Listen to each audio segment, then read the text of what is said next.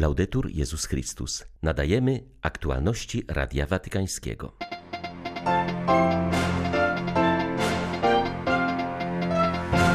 Niech zamilknie broń. Bóg jest z budowniczymi pokoju, a nie z tym, kto używa przemocy, mówił papież Franciszek na Anioł Pański, wzywając do modlitwy o zakończenie wojny.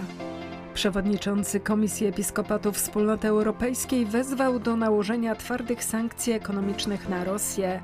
Wskazał, że tylko one mogą położyć kres masakrze. Modlitwa w piwnicach i na stacjach metra, które stały się schronieniem dla tysięcy Ukraińców. Tak wygląda pierwsza wojenna niedziela we wciąż atakowanym Kijowie. 27 lutego wita Państwa Beata Zajączkowska. Zapraszam na serwis informacyjny. Na słowa Franciszka na temat sytuacji na Ukrainie czekał dziś cały świat. Czekali też sami Ukraińcy, którzy licznie przybyli do Watykanu na modlitwę Anioł Pański. Widząc plac Świętego Piotra skąpany w ukraińskich flagach narodowych, papież uczynił gest, którego nigdy nie robi. Pozdrowił Ukraińców w ich języku. Sława Jezusu Chrystu. In questi giorni w tych dniach zostaliśmy wstrząśnięci czymś tragicznym, wojną. Wielokrotnie modliliśmy się o to, aby nie została obrana ta droga. I nie przestajemy o tym mówić, wręcz przeciwnie. Błagamy Boga coraz intensywniej.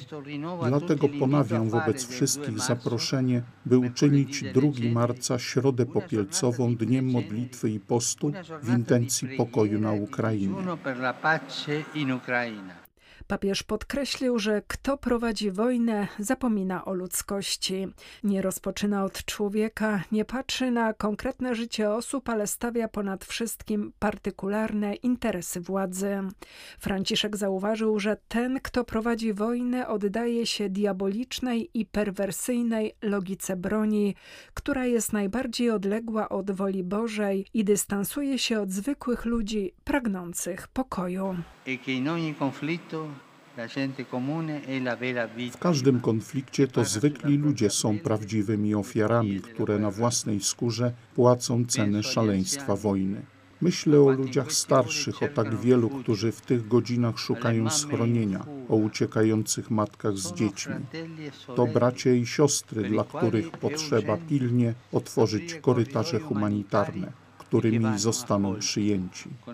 Z sercem rozdartym tym, co dzieje się na Ukrainie, ale nie zapominajmy i o innych wojnach w różnych częściach świata, jak w Jemenie, Syrii i Etiopii.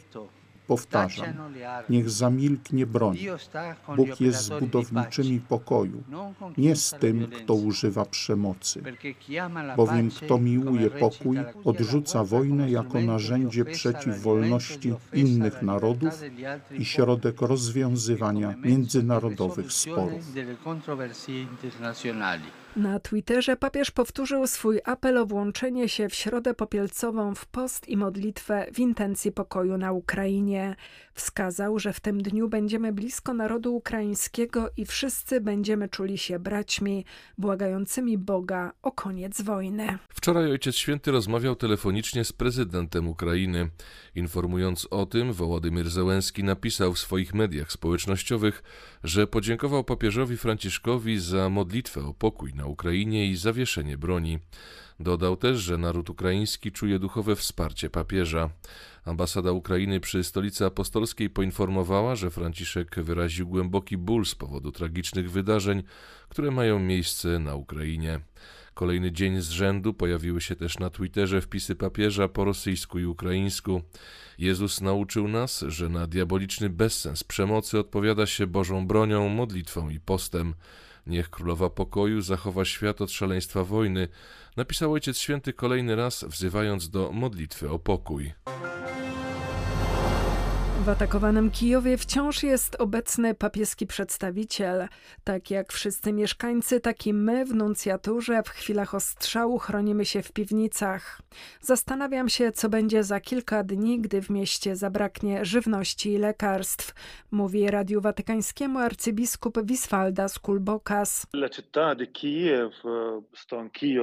Kijów, gdzie jestem, jest dużym miastem liczącym około 3 milionów mieszkańców, ale obecnie jest całkowicie sparaliżowany działaniami wojennymi.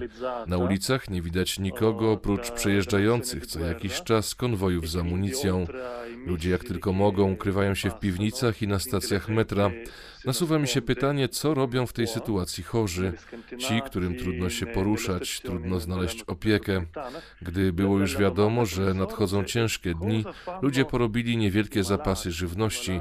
Jednak jeśli obecna sytuacja będzie się przedłużać, rodzi się pytanie, jak sobie poradzimy, gdy zabraknie żywności i podstawowych leków.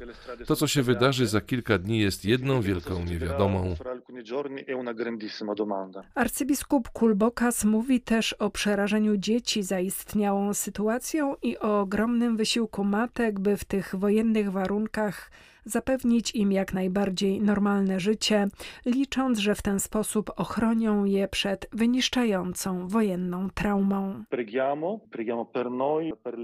Modlimy się za nas, za naszych bliskich, za cały naród ukraiński. Błagamy o pokój. Ja wciąż się zastanawiam, co Bóg chce nam przez tę sytuację powiedzieć. Widzę w tym wołanie o nasze nawrócenie, także moje własne, a także wezwanie do konkretnej pomocy innym, do chrześcijańskiej solidarności. Wiemy, że w środę popielcową papież Franciszek ogłosił Dzień Postu i modlitwy w intencji pokoju. To bardzo ważne. Dla nas jest to odległa perspektywa. Do tego dnia musimy przede wszystkim dotrwać. My modlimy się o pokój dosłownie w każdej chwili, ponieważ obecna sytuacja sama inspiruje i wyzwala w nas tę modlitwę. Pokładamy naszą ufność w Bogu i oddajemy w ręce Maryi, Matki nas wszystkich, błagając, by się za nami wstawiała.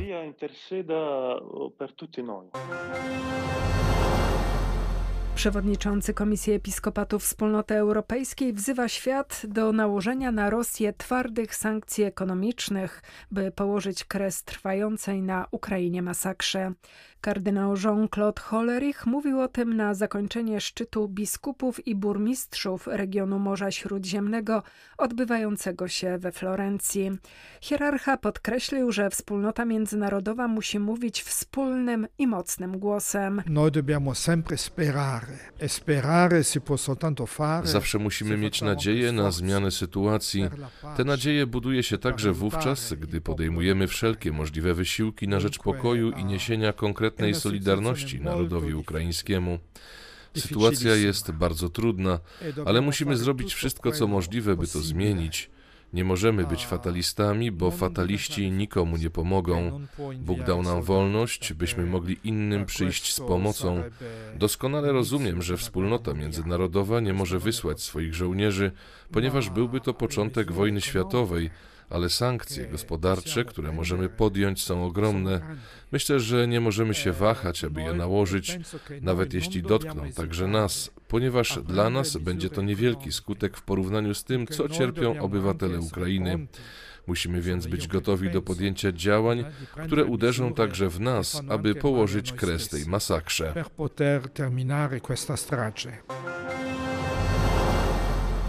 Modlitwa w piwnicach i na stacjach metra, które stały się schronieniem dla tysięcy Ukraińców. Tak wyglądała pierwsza wojenna niedziela we wciąż atakowanym Kijowie.